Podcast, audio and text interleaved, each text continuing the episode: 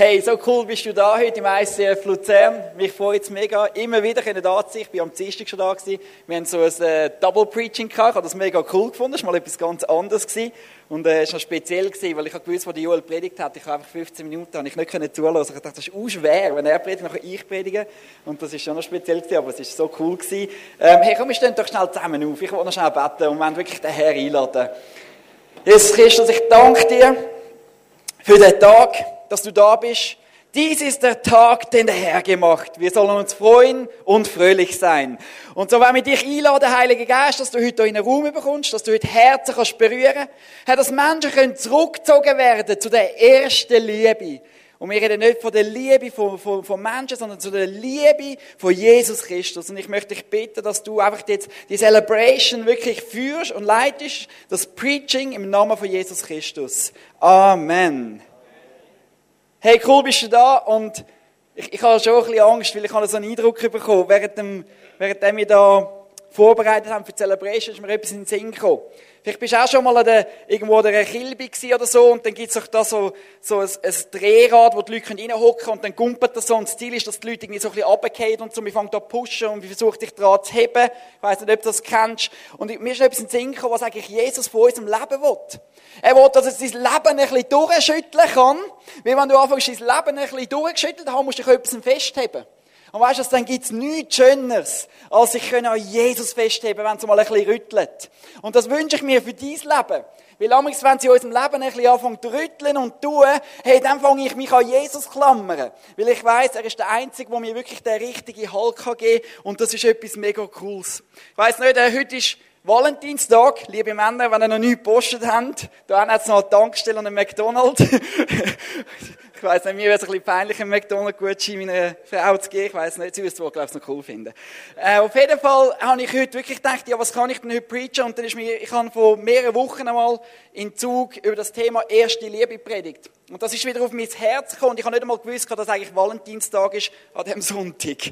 Also ich habe es einfach nicht gewusst, weil ich nicht studiert habe, dass der 14. ist. Ich weiss, dass der 14. Valentinstag ist. Und so habe ich gedacht, hey, ich will mit dir heute etwas teilen, was auf meinem Herzen ist, dass wir zurückkommen in ein Leben, wo wir eine erste Liebe haben für Jesus Christus. Und vielleicht bist du da und du kennst Jesus nicht so, du bist kaum in einer Church mal gewesen. Ich möchte dich ermutigen, dass du trotzdem zuhörst, weil ich glaube, das ist auch eine Message für dich. Weil ich glaube, in dieser Message redet es zu jedem, weil wir haben überall unsere erste Liebe zu gewissen Sachen. Es kann ja deine Ehe sein, es können deine Freunde sein, es kann die erste Liebe sein in einem Dienst, in der Church oder allgemein. Und ich möchte dich ermutigen, dass einfach, ja, das Geniessest, reinlässt. Und ich glaube, der Herr wird heute zu dir reden. Es ist eine grosse Herausforderung, wenn man denkt, die erste Liebe, was bedeutet das wirklich? Gott wirklich zu lieben zuerst. Dass Jesus Nummer eins ist. Und ich glaube, das ist ja das Verlangen von Jesus, dass eben die erste Priorität im Leben Jesus ist. Und ich kann das illustrieren, vielleicht könnte Johnny mir das schnell angeben, das Glas und die Kerze dort. Weil ich habe gemerkt, viele Menschen, die haben eigentlich schon den Drang und die Sehnsucht, Jesus zuerst anzustellen. Aber viele Menschen, die kämpfen damit, mit welchen Prioritäten zu setzen zuerst. Und ich, ich wollte das ein bisschen repräsentieren in einem Glas, weil ich habe gemerkt, viele Menschen fragen sich, warum sie am Gott nicht mehr erleben können. Warum das sie nicht mehr hören. Warum das nicht mehr abgeht in ihrem Leben. Oft hat es damit zu tun, dass viele Menschen kommen und sie tun, wie das Glas, der Behälter, wo ihr Leben soll repräsentieren soll, sie mit vielen Sachen auffüllen. Sie nehmen irgendwelche kleine Sachen, wo einfach gewisse Sachen, die dazugehören, jeder muss arbeiten und gewisse Sachen erledigen. Aber dann kommen so Sachen, wo man eine Stunde im Facebook sein am Telefon, man kann stundenlang Fernsehen schauen, man geht dort in den Ausgang, man geht dort eine Party machen, dort weg. Und das Glas füllt sich mit ganz vielen kleinen Sachen. Und plötzlich ist das Gefäß voller und wir denken, das, was eigentlich am wichtigsten ist im Leben Jesus Christus, hat keinen Platz mehr da drin. Es hat keinen Platz mehr da drin. Und ich habe gemerkt, was eigentlich uns, was Gott von unserem Leben oder von deinem Herz eigentlich wünscht, ist, dass ich kann sagen, hey, weißt du was? Ich will, dass du zuerst Priorität setzt. Dass du kannst sagen, hey, zuerst liebe ich Jesus. Das ist meine allererste Priorität. Und dann fängt etwas anderes passieren. Es hat nämlich plötzlich Platz in deinem Gefäß drin. Es hat plötzlich sogar noch Platz für gewisse Sachen, dass eben da noch kleine Sachen da rein können. Weil Gott ist kein Spielverderber. Er will nicht, dass du andere Sachen nicht kannst haben mal kannst Sachen geniessen, dass du eine coole Zeit kannst haben mit Freunden und und und. Aber weißt du, es gibt eine Perspektivenänderung. Plötzlich haben nämlich viele Sachen, kleine Sachen, keinen Platz mehr. Ich bringe die nicht mehr auseinander, die sind halt schon ein bisschen alte Kerzen. Aber du kannst das Gefäß anfangen auffüllen mit kleinen Sachen. Wenn du anfängst, zuerst die kleinen Sachen auffüllen, dann hast du deine Prioritäten anders gesetzt. Und heute soll es darum gehen, ein Ziel soll ich heute sein von dieser Message, dass Gott zu dir kann reden hey, was ist deine Priorität im Leben? Was ist deine erste Liebe? Was ist dir am wichtigsten? In Matthäus 22, 7, das ist ein Vers, wo wir alle kennen und schon viel gelesen haben. Und ich wollte ihn trotzdem nochmal vorlesen. Der Joel könnte wahrscheinlich gerade auswendig, oder? Gell? Ich nehme ich jetzt mal an. Das ist unglaublich. In Matthäus 22, 37 steht, Jesus aber antwortete ihm, du sollst den Herrn, deinen Gott lieben von ganzem Herzen, von ganzer Seele und von ganzem Gemüt. Das ist das höchste und größte Gebot. Das andere aber ist dem gleich. Du sollst deinen Nächsten lieben wie dich selbst. Das ist da die Geschichte, wo es darum geht mit dem reichen Jüngling, wo Jesus sagt, weißt du was, als allererstes sollte deine Priorität das, das Große da rein sein, die große Kerze. Und nachher kommen eigentlich die kleinen Sachen. Wir kennen es alle. Ich habe, äh, meine Frau ist Amerikanerin. Ich habe meine Frau kennengelernt in der Schweiz, wo sie auf Besuch kam. Es ist relativ zügig gegangen dann. Bei mir einmal, bei ihr nicht so. Aber wir haben angefangen, eine Langdistanz eine Long Distance, versteht glaube ich jeder, Long Distance Relationship anfangen und wir haben immer wieder müssen telefonieren, weil wir haben ja nicht einfach können hin und her fliegen. Das Telefonieren damals in den USA war extrem teuer gewesen, also ich bin auch schon ein bisschen älter. Ähm, und das ist so etwas Deftiges gewesen. Ich habe stundenlang habe ich am Telefon mit meiner Frau telefoniert. Stundenlang. Und weißt du was, welcher Mann redet schon gern stundenlang mit seiner Frau? ja, sind ehrlich Männer, oder? Hallo. Meistens ist sie umgekehrt. Man ist im Bett und die Frau, die fängt dann erst an am Abend und du denkst, oh, jetzt habe ich dann genug gehört. Nein, aber es ist doch irgendwo so etwas, wo man plötzlich die Liebe in sich für jemanden hat. Da lässt man sich alles kosten. Und ich habe stundenlang mit ihr telefoniert und telefoniert und telefoniert. Mein Vater hat mir wieder eine riesige Rechnung in die Hand gedrückt. Dann habe ich wieder telefoniert, wieder telefoniert. Und so ist das weitergegangen, weil da immer mehr Liebe aufgekommen ist. Ich habe so einen Hunger gehabt. Vielleicht haben wir auch nur lange telefoniert, weil ich nicht so gut Englisch können. Ich weiß es nicht. Das könnte ein anderer Grund sein. Aber ich habe etwas gemerkt, mein Herz war so hingegeben. Da hat es nichts mehr anders gegeben, als können sagen, ich muss mit dieser Frau am Abend noch telefonieren. Am Morgen bin ich aufgestanden Sie ist ins Bett gegangen, also bevor sie ins Bett gegangen ist, habe ich ihr angerufen und wir haben wieder telefoniert. Ich möchte dich fragen, hey, wie sieht deine Liebe aus zu Jesus? Wir werden heute in eine Geschichte einsteigen in der Offenbarung. Und die Offenbarung kann ja sehr ein kompliziertes Buch sein. Aber es gibt so einen Abschnitt, da haben sogar ich verstanden, wo ich denke, da kann ich mit euch teilen. Und zwar in der Offenbarung 2, 1, 5 möchte ich etwas vorlesen, wo, wo, Jesus an Gemeinde einen Brief schreibt, also Johannes schreibt aber es ist von Gott inspiriert und er will eine klare Message geben, was es eben bedeutet, wenn du die erste Liebe verlässt. In der Offenbarung 2, 1 bis 5 steht, schreibe diesen Brief dem Engel der Gemeinde in Ephesus oder der Gemeinde in Luzern. ICF Luzern könnte da drinnen stehen, weil es ist an eine Gemeinde, es ist an dich gerichtet, an mich gerichtet. Das ist die Botschaft dessen, der die sieben Sterne in seiner rechten Hand hält und der unter den sieben goldenen Leuchtern umhergeht. Hey, da spricht der allmächtige Gott. Hey. Ich weiß alles, was du tust. Ich habe dein Bemühen und dein geduldiges Warten gesehen. Dann, dann hören. Das ist mega interessant. Er sagt, ich habe dein Bemühen und dein geduldiges Warten gesehen. Ich habe es eben noch dick angeschrieben. Haben wir ihn eigentlich nicht da? Haben wir gar nicht da? Okay. Halleluja. Wenn ein bisschen besser auf, aufpassen oder hören. Oh, das ist einfach mega cool, wenn ihr die Bibel mitnehmt. Come on. Ich weiß. Ja, nicht jetzt kommen. Ich weiß, dass du böse Menschen nicht ertragen kannst. Du hast jene geprüft, die sich Apostel ausgeben, es aber nicht sind und sie als Lügner entlarvt. Du hast geduldig für mich gelitten, ohne aufzugeben, aber ich habe gegen dich einzuwenden dass ihr mich und euch einander nicht mehr so liebt wie am Anfang. Erkenne doch, wie weit du dich von deiner ersten Liebe entfernt hast. Kehre wieder zu mir zurück und bemühe dich so, wie du es am Anfang getan hast. Ich habe vor mehreren Jahren bin ich, in 2003 ist es, glaube ich, haben wir geheiratet Ich bin in eine Garage hineingegangen und meine Frau ist daheim, mit meinen Eltern gegangen und wir haben die Garagisten mega gut kennengelernt. Und dann bin ich dort reingelaufen und gesehen ein neues Saab 9.3 Cabriolet. Und ich hatte immer ein Träumchen, ich wollte mal mein eigenes Auto kaufen. Nur das Problem ist, ich habe gar nicht so viel Geld für so ein Auto. Ich bin ein bisschen gesegnet, ich habe das Auto gesehen und das wollte ich im Fall kaufen. Meine Frau hat nicht gewusst. Meine Eltern dort und sagen, ja, was kannst du dir gar nicht leisten? Und ich sage, ja, ich weiß schon, darum sind ihr ja da. Ich habe dann mit meinen Eltern einen Deal sozusagen aushandeln und gesagt, hey, wie wäre es, wenn wir könnten, ich kann so so viel zahlen, der Rest zahlt ihr und dann zahle ich im Monatsrat euch alles wieder retour, oder? Sozusagen ein Leasing bei den Eltern. Doch clever, hast nicht so schlechte Zinsen.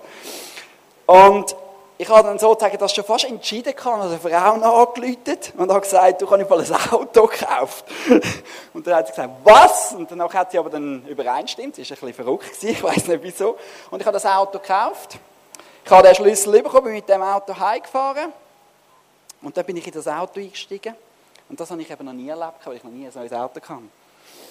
Mmm, schmeckt das Leder fein. Oh, und das ist so neu und oh, das, du merkst, wie der Motor sich noch neu anfühlt. Und du merkst plötzlich, du fängst eine Liebe an entwickeln für das Auto. Da kommt plötzlich, hey, da lässt nicht mehr jeder mit dem Auto fahren. Hey, da passiert etwas in dir rein und du denkst, wenn nur schon jemand da neben dir parkiert und er könnte die Türen auf, oh, da musst du dann aufpassen, hey. Und ich habe gemerkt, mein Herz hat sich angefangen, richtig verlieben in das Auto. Aber dann ist ein Zeitpunkt gekommen, wo ich plötzlich gemerkt habe, hey, das Auto ist mir nicht mehr so wichtig. Es ist nicht mehr so neu. Hat halt einmal einen Kratz gegeben. Ich bin vor ein paar Wochen hinter eine Wand reingefahren mit einem Auto und dachte, ah, ist schon nicht so gut, aber ist doch gleich, ist nur das Auto. Und ja, auch Männern kann das passieren, wenn wir nicht so lachen, Frauen. Auf jeden Fall bin ich dort hinein und in diesem Auto hinein und ganz am Anfang war das, das das Beste der Gefühle. Gewesen. Ich bin verliebt in das Auto. Aber mit der Zeit hat sich das wie abgeflaut.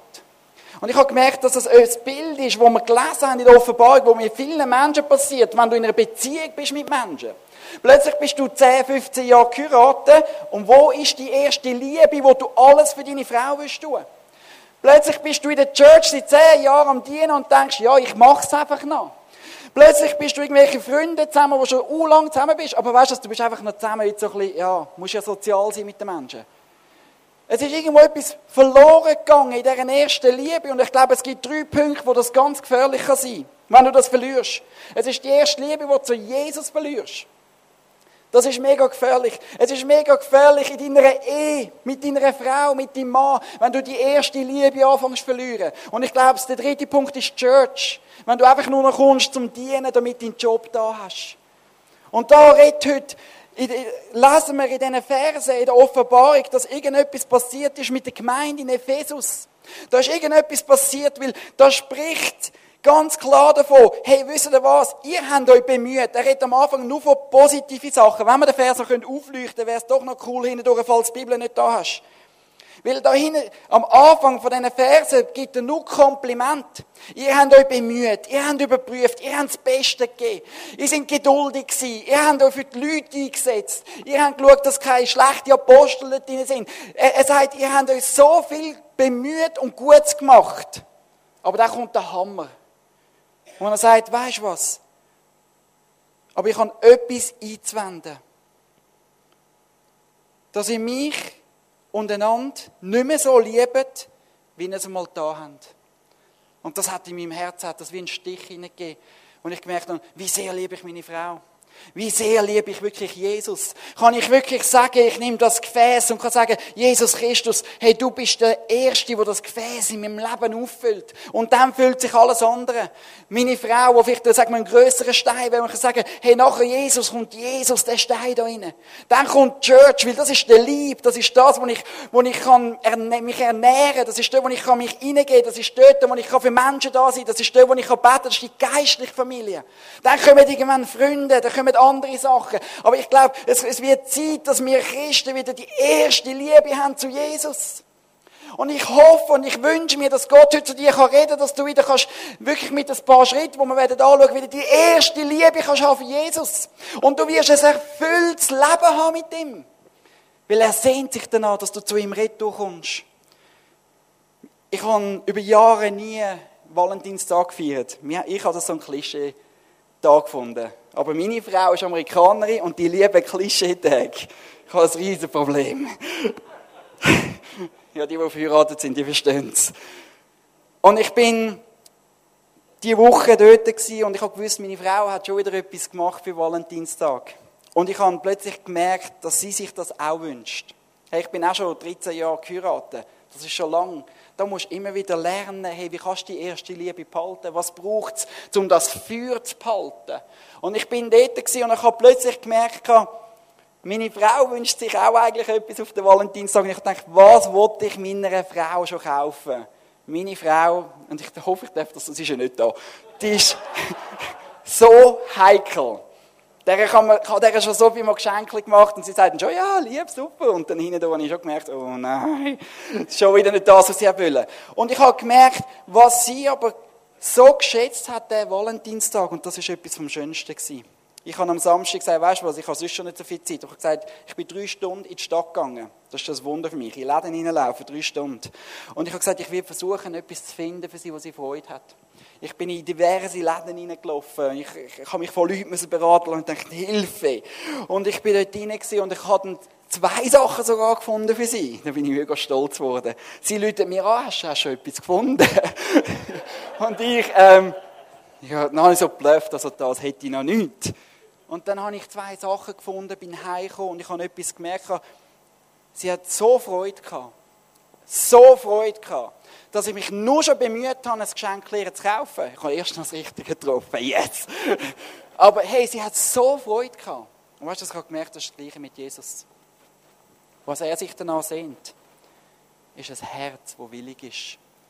Amix kommt es nicht darauf an, was du Jesus kannst bringen, sondern hast du das Herz, dass du überhaupt ihm etwas bringen willst hast du den Drive hin und sagst, weißt du was, Herr, ich kann Amix gar nicht bringen. Was willst du Jesus schon können bringen? Was willst du Jesus schon können bringen?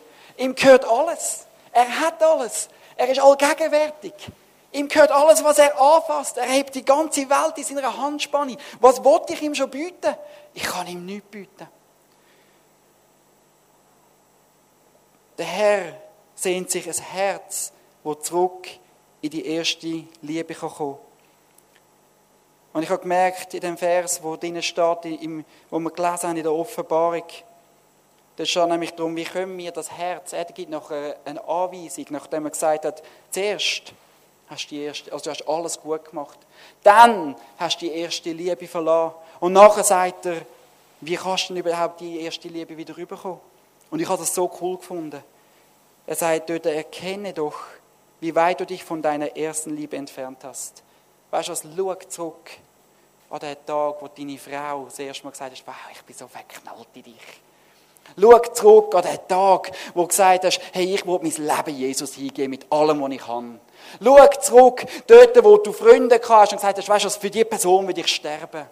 Schau zurück, dass du kannst sagen, hey, weißt du dort habe ich wirklich alles hingegeben für die Person. Dort habe ich alles gelebt für Jesus. Und das wünsche ich mir, dass du darfst zurück schauen und sagen, hey, weißt du noch, dort, wo du so ein Herz hast, das brennt hat. Er sagt, nachher kehre wieder zu mir zurück und bemühe dich so, wie du es am Anfang getan hast. Tönt ein bisschen gesetzlich, musst dich bemühen hören die Leute nicht so gern. Ich wollte dir eins sagen, Beziehung ist Arbeit. Beziehung mit deiner Frau ist Arbeit, gell, Joel? Das kennen wir beide, oder? Es ist Arbeit. Aber weißt du was? Wir haben das Gefühl, Beziehung mit Jesus ist keine Arbeit. Beziehung mit Jesus kostet einen Preis. Beziehung mit Jesus kostet eben genau das, wenn ich sage, Jesus kommt zuerst am Morgen. Beziehung bedeutet das, dass ich kann sagen, hey Jesus, dir gehört alles. Beziehung bedeutet mehr als einfach sagen, Jesus, heute will ich, ich tue zwei Fänkler in die Elektromaschine rein und unten kommt ein Snickers raus. So haben gewisse Leute das Beispiel von der Beziehung mit Jesus. Beziehung mit Jesus ist können investieren. Beziehung mit Jesus bedeutet, etwas anfangen, ihn besser kennenzulernen, auf ihn können hören, können den Menschen etwas weitergeben. Beziehung bedeutet, dass er in dein Leben in allen Bereichen reden und du dich anfängst zu verändern, dass du dich anfängst zu formen. Und das ist genau das Gleiche bei dir. Es ist das Gleiche in der Kille. Du kannst in der Kille 20 Jahre dienen und du kannst keine erste Liebe haben. Und du machst es einfach, weil du weißt, das gehört dazu. Jesus will nicht deinen Dienst. Jesus will dein Herz. Amen. Hey, er will dein Herz. So wie ich meine Frau amigs nicht richtig bringen kann, weil ich einfach zu blöd bin oder einfach nicht weiß, was sie will, obwohl ich immer daran arbeite. Aber weißt du was? Ich kann mein Herz ihr hingeben. Ich kann mich dann bemühen, sagt er. Ich kann mich bemühen und sagen, weißt du, ich probiere etwas zu kaufen. Ich gehe irgendwo und will, dass sie vielleicht einfach das Lächeln überkommt.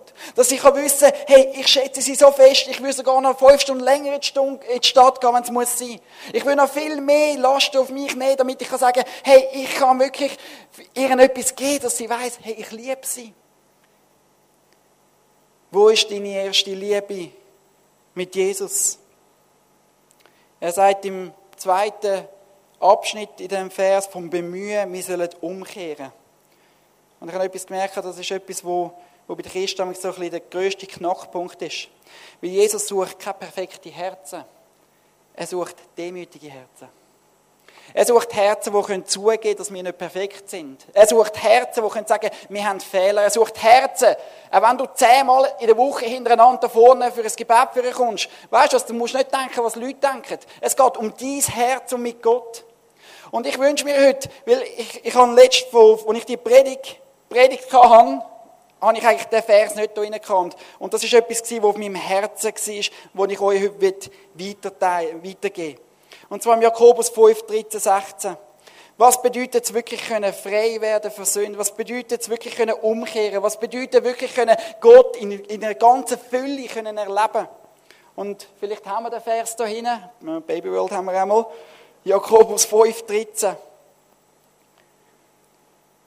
Dort drinnen steht, leidet jemand unter euch? Er bete. Ist jemand guten Mutes? Er singe Psalmen. Ist jemand krank unter euch? Er rufe den Ältesten der Gemeinde zu sich und sie mögen über ihn beten und ihm mit Öl salben im Namen des Herrn. Das ist mega cool. Das sind so verschiedene Gruppen an Menschen, die in die Church kommen und er sagt, was sie machen sollen. Also leidet jemand unter euch, sollen beten. Ist jemand von gutem Mut? Hey, weißt du, sing Psalmen zu Jesus. Ist jemand krank unter euch? Der soll die Ältesten rufen von der Gemeinde und sie sollen für ihn beten und mit Öl salben. Und das Gebet des Glaubens wird den Kranken retten. Und der Herr wird ihn aufrichten. Und wenn er Sünden begangen hat, wird ihm vergeben werden. Okay, du kommst, du leistest deine Sünden an und dir soll vergeben werden. Und jetzt ist es mega cool, wie es da eine andere gibt in dem Vers. Hinein. Weil plötzlich steht, bekennt nun einander die Sünden und betet füreinander, damit ihr geheilt werdet. Viel vermag eines gerechten Gebet in seiner Wirkung. Und mir da etwas mega in den Sinn gekommen mit diesen zwei Versen. Am einen Mal sagt er, weißt du, wenn ihr Sünde in eurem Leben habt, geht, bittet um Vergebung und euch soll vergeben werden. Und beim zweiten Mal sagt er, hey, weißt du, wenn ihr Sünde habt, könnt ihr bekennen, damit ihr geheilt werdet und nicht vergehen. Und ich habe etwas gemerkt, viele Menschen, Christen, kämpfen immer mit den gleichen Sachen in ihrem Leben. Viele. Da ist immer ein Krampf. Und ich habe etwas gemerkt, die einen, die haben zwar die Vergebung von Gott, weil er verspricht, wenn du um Vergebung bist, wird er dir vergeben. Aber wenn du anfangen Heilig erfahren und erleben in deinem Leben, dann sagt er, sollst du einander bekennen. Ich glaube, dass wenn du anfängst, Sünde bekennen, wird etwas brechen. Und auch wenn dann mal wieder falsch, weißt du, du musst dich nicht verdammen, dann darfst du wieder von Jesus kommen, darfst wieder bekennen. Aber ich habe etwas gemerkt, wenn du aus deinem Schlamassel rauskommen kannst du jedes Mal vorkommen und bitten um Vergebung von Sachen, ohne es bekennen. Und du wirst immer Hilfe brauchen. Und ich habe gemerkt, wenn du anfängst, das Prinzip verstehen, wo Jesus, äh, was, was im Jakobus steht, hey, wenn du anfängst, nicht nur deine Sünden um Vergebung bitten, sondern bekennen, sollst du geheilt werden. Hey, und das ist eine Verheißung für dein Leben. Es ist sehr interessant zu sehen in dem Jakobus, wenn er sagt, die Kranken sollen führen kommen zum Gebet mit den Ältesten. In dem Wort die Kranken, das ist im Griechischen Astenei. Und Astenei, wir, wir nehmen das Beispiel immer, wenn man krank ist, wenn man physisch krank ist, dann muss man die Ältesten rufen zum Gebet nehmen. Aber das Astenei im Griechischen bedeutet eben viel mehr. Das Astenei bedeutet, dass wenn du seelisch krank bist, wenn du geistig krank bist, egal wie du krank bist, dann sollst du führen zu den Ältesten kommen. Weißt du, für mich ist das etwas von den wunderschönsten Sachen, die da drinnen steht. Du sollst zu den Ältesten gehen. Er redet von einer Kirche. Weil daheim hat niemand Ältesten. Er redet von einer Church. Nimm die Ältesten zusammen und, und heb das Gebet und du sollst sie mit Öl salben, damit sie geheilt werden, wenn sie ihre Sünden bekennen. Und ich habe gemerkt, hey, das hat mega viel damit verbunden zu tun, mit deiner ersten Liebe, die du hast mit Jesus. Weil es braucht Umkehr im Leben, damit die erste Liebe wieder fließen heißt. Und du sollst dich damit bemühen, dass du wieder ein Leben lebst, wie Gott will. Nicht gesetzlich werden, nicht religiös werden, aber ein Herz haben, das offen ist und sagt, weißt du, ich habe Sünde, ich brauche Umkehr, ich brauche Gebet. Ich brauche Hilfe, ich muss Sünde bekennen. Und er wird dir helfen und er wird dir Heilig schenken. Und weißt du, dort kommt Kraft vom Kreuz durch. Hey, das ist eine gute Nachricht. Das ist eine Hammer-Nachricht. Weil wir hätten es nicht verdient, aber er hat gesagt, hey, ich bin ans Kreuz gegangen für dich. Und darum kannst du Anspruch nehmen von dem. Und das soll eine Message sein, wo du darfst wissen, hey, wenn du heute da irgendwo führen kommst und sagst, du nimmst das Abendmahl, dass du vielleicht kannst sagen, hey, ich will nicht nur einfach immer die gleichen Sünden müssen um Vergebung bitten, sondern weißt du, ich will auch heiliger leben. Dann du es bekennen und dann wollen wir damit beten. Wir werden extra nachher Leute hinter den Tisch haben, der, Joel und mich und eventuell noch mehr Leute, wenn du etwas anvertrauen und du weißt, hey, du willst das zerbrochen und heilig erleben, dass wir für das werden beten. Und weißt du, ich glaube, wenn wir wieder anfangen, in dieser Reinheit leben, dann kommt die erste Liebe für Jesus wieder führen. Weil dann wird es dir nicht mehr schwerfallen, weil das Einzige, was dich trennt von der ersten Liebe, ist Sünde. Das Einzige, was ich trenne von Jesus, ist Sünde. Und ich wollte dir sagen, wenn du da bist und du kennst Jesus nicht, ich wollte dir sagen, Jesus Christus ist für dich gestorben, damit du kannst ihn erleben wie nie zuvor.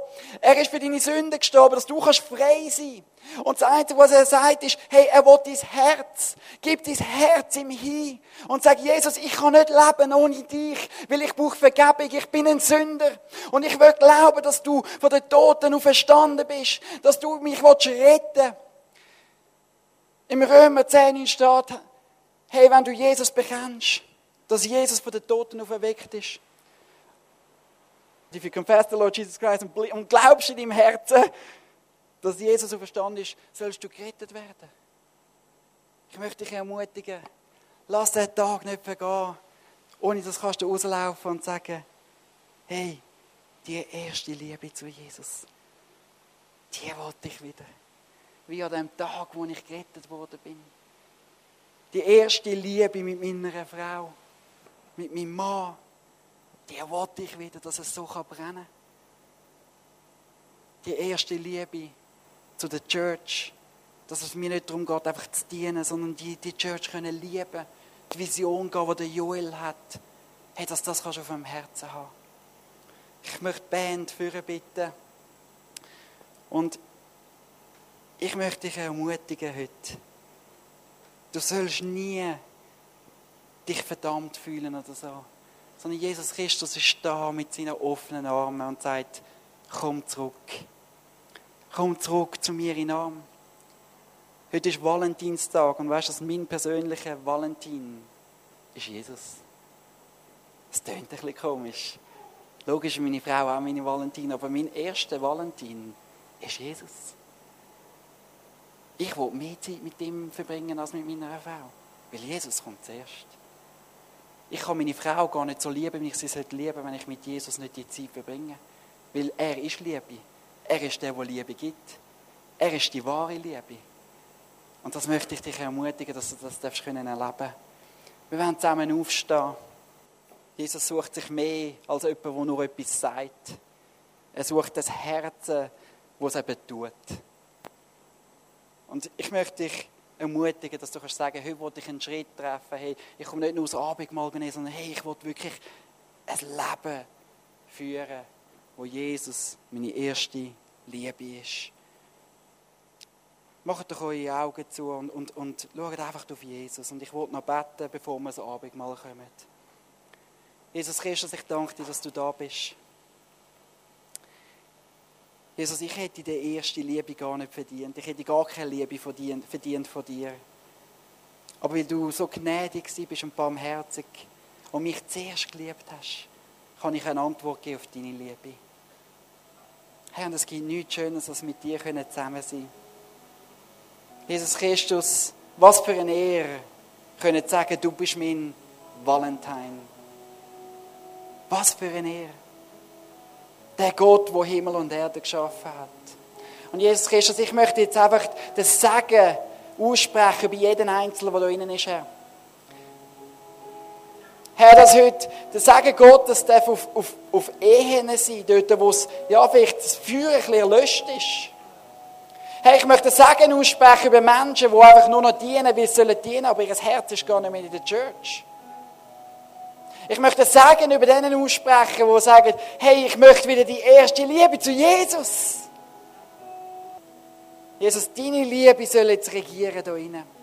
Und während alle ihre Augen zu haben, möchte ich doch noch jemanden, möchte ich noch fragen. Ich habe das Gefühl, es ist jemand hier drin, wo Jesus zu dir redet und du weißt, es zieht in deinem Herzen und du willst eigentlich die, du willst den Jesus in dein Leben aufnehmen. Hey, weißt du, wenn, wenn du das bist und du weißt, hey, da in deinem Herzen tut etwas kribbeln und du willst den Jesus haben, heb doch schnell deine Hand auf, dass ich für dich beten kann. Vater, ich danke dir. Ich danke dir für dein Reden. Herr, lass heute Menschen da rauslaufen mit einem Smile auf ihrem Gesicht, wie sie wissen, wer sie liebt und wie wir zurücklieben Herr, segne die Zeit, Herr, dass heute Gebete stattfinden, wo eben nicht nur Menschen Vergebung erleben, sondern Heilig sollen erleben. Im Physischen, im Geistlichen, egal in welcher Art und Form. Herr, dass Heilige dürfen stattfinden, heute hinter diesen Abendmahltischen. Herr, wir wollen deinen Namen ehren, dir Danke sagen für alles, was du da tust und noch wirst tun. Im Namen von Jesus Christus. Amen.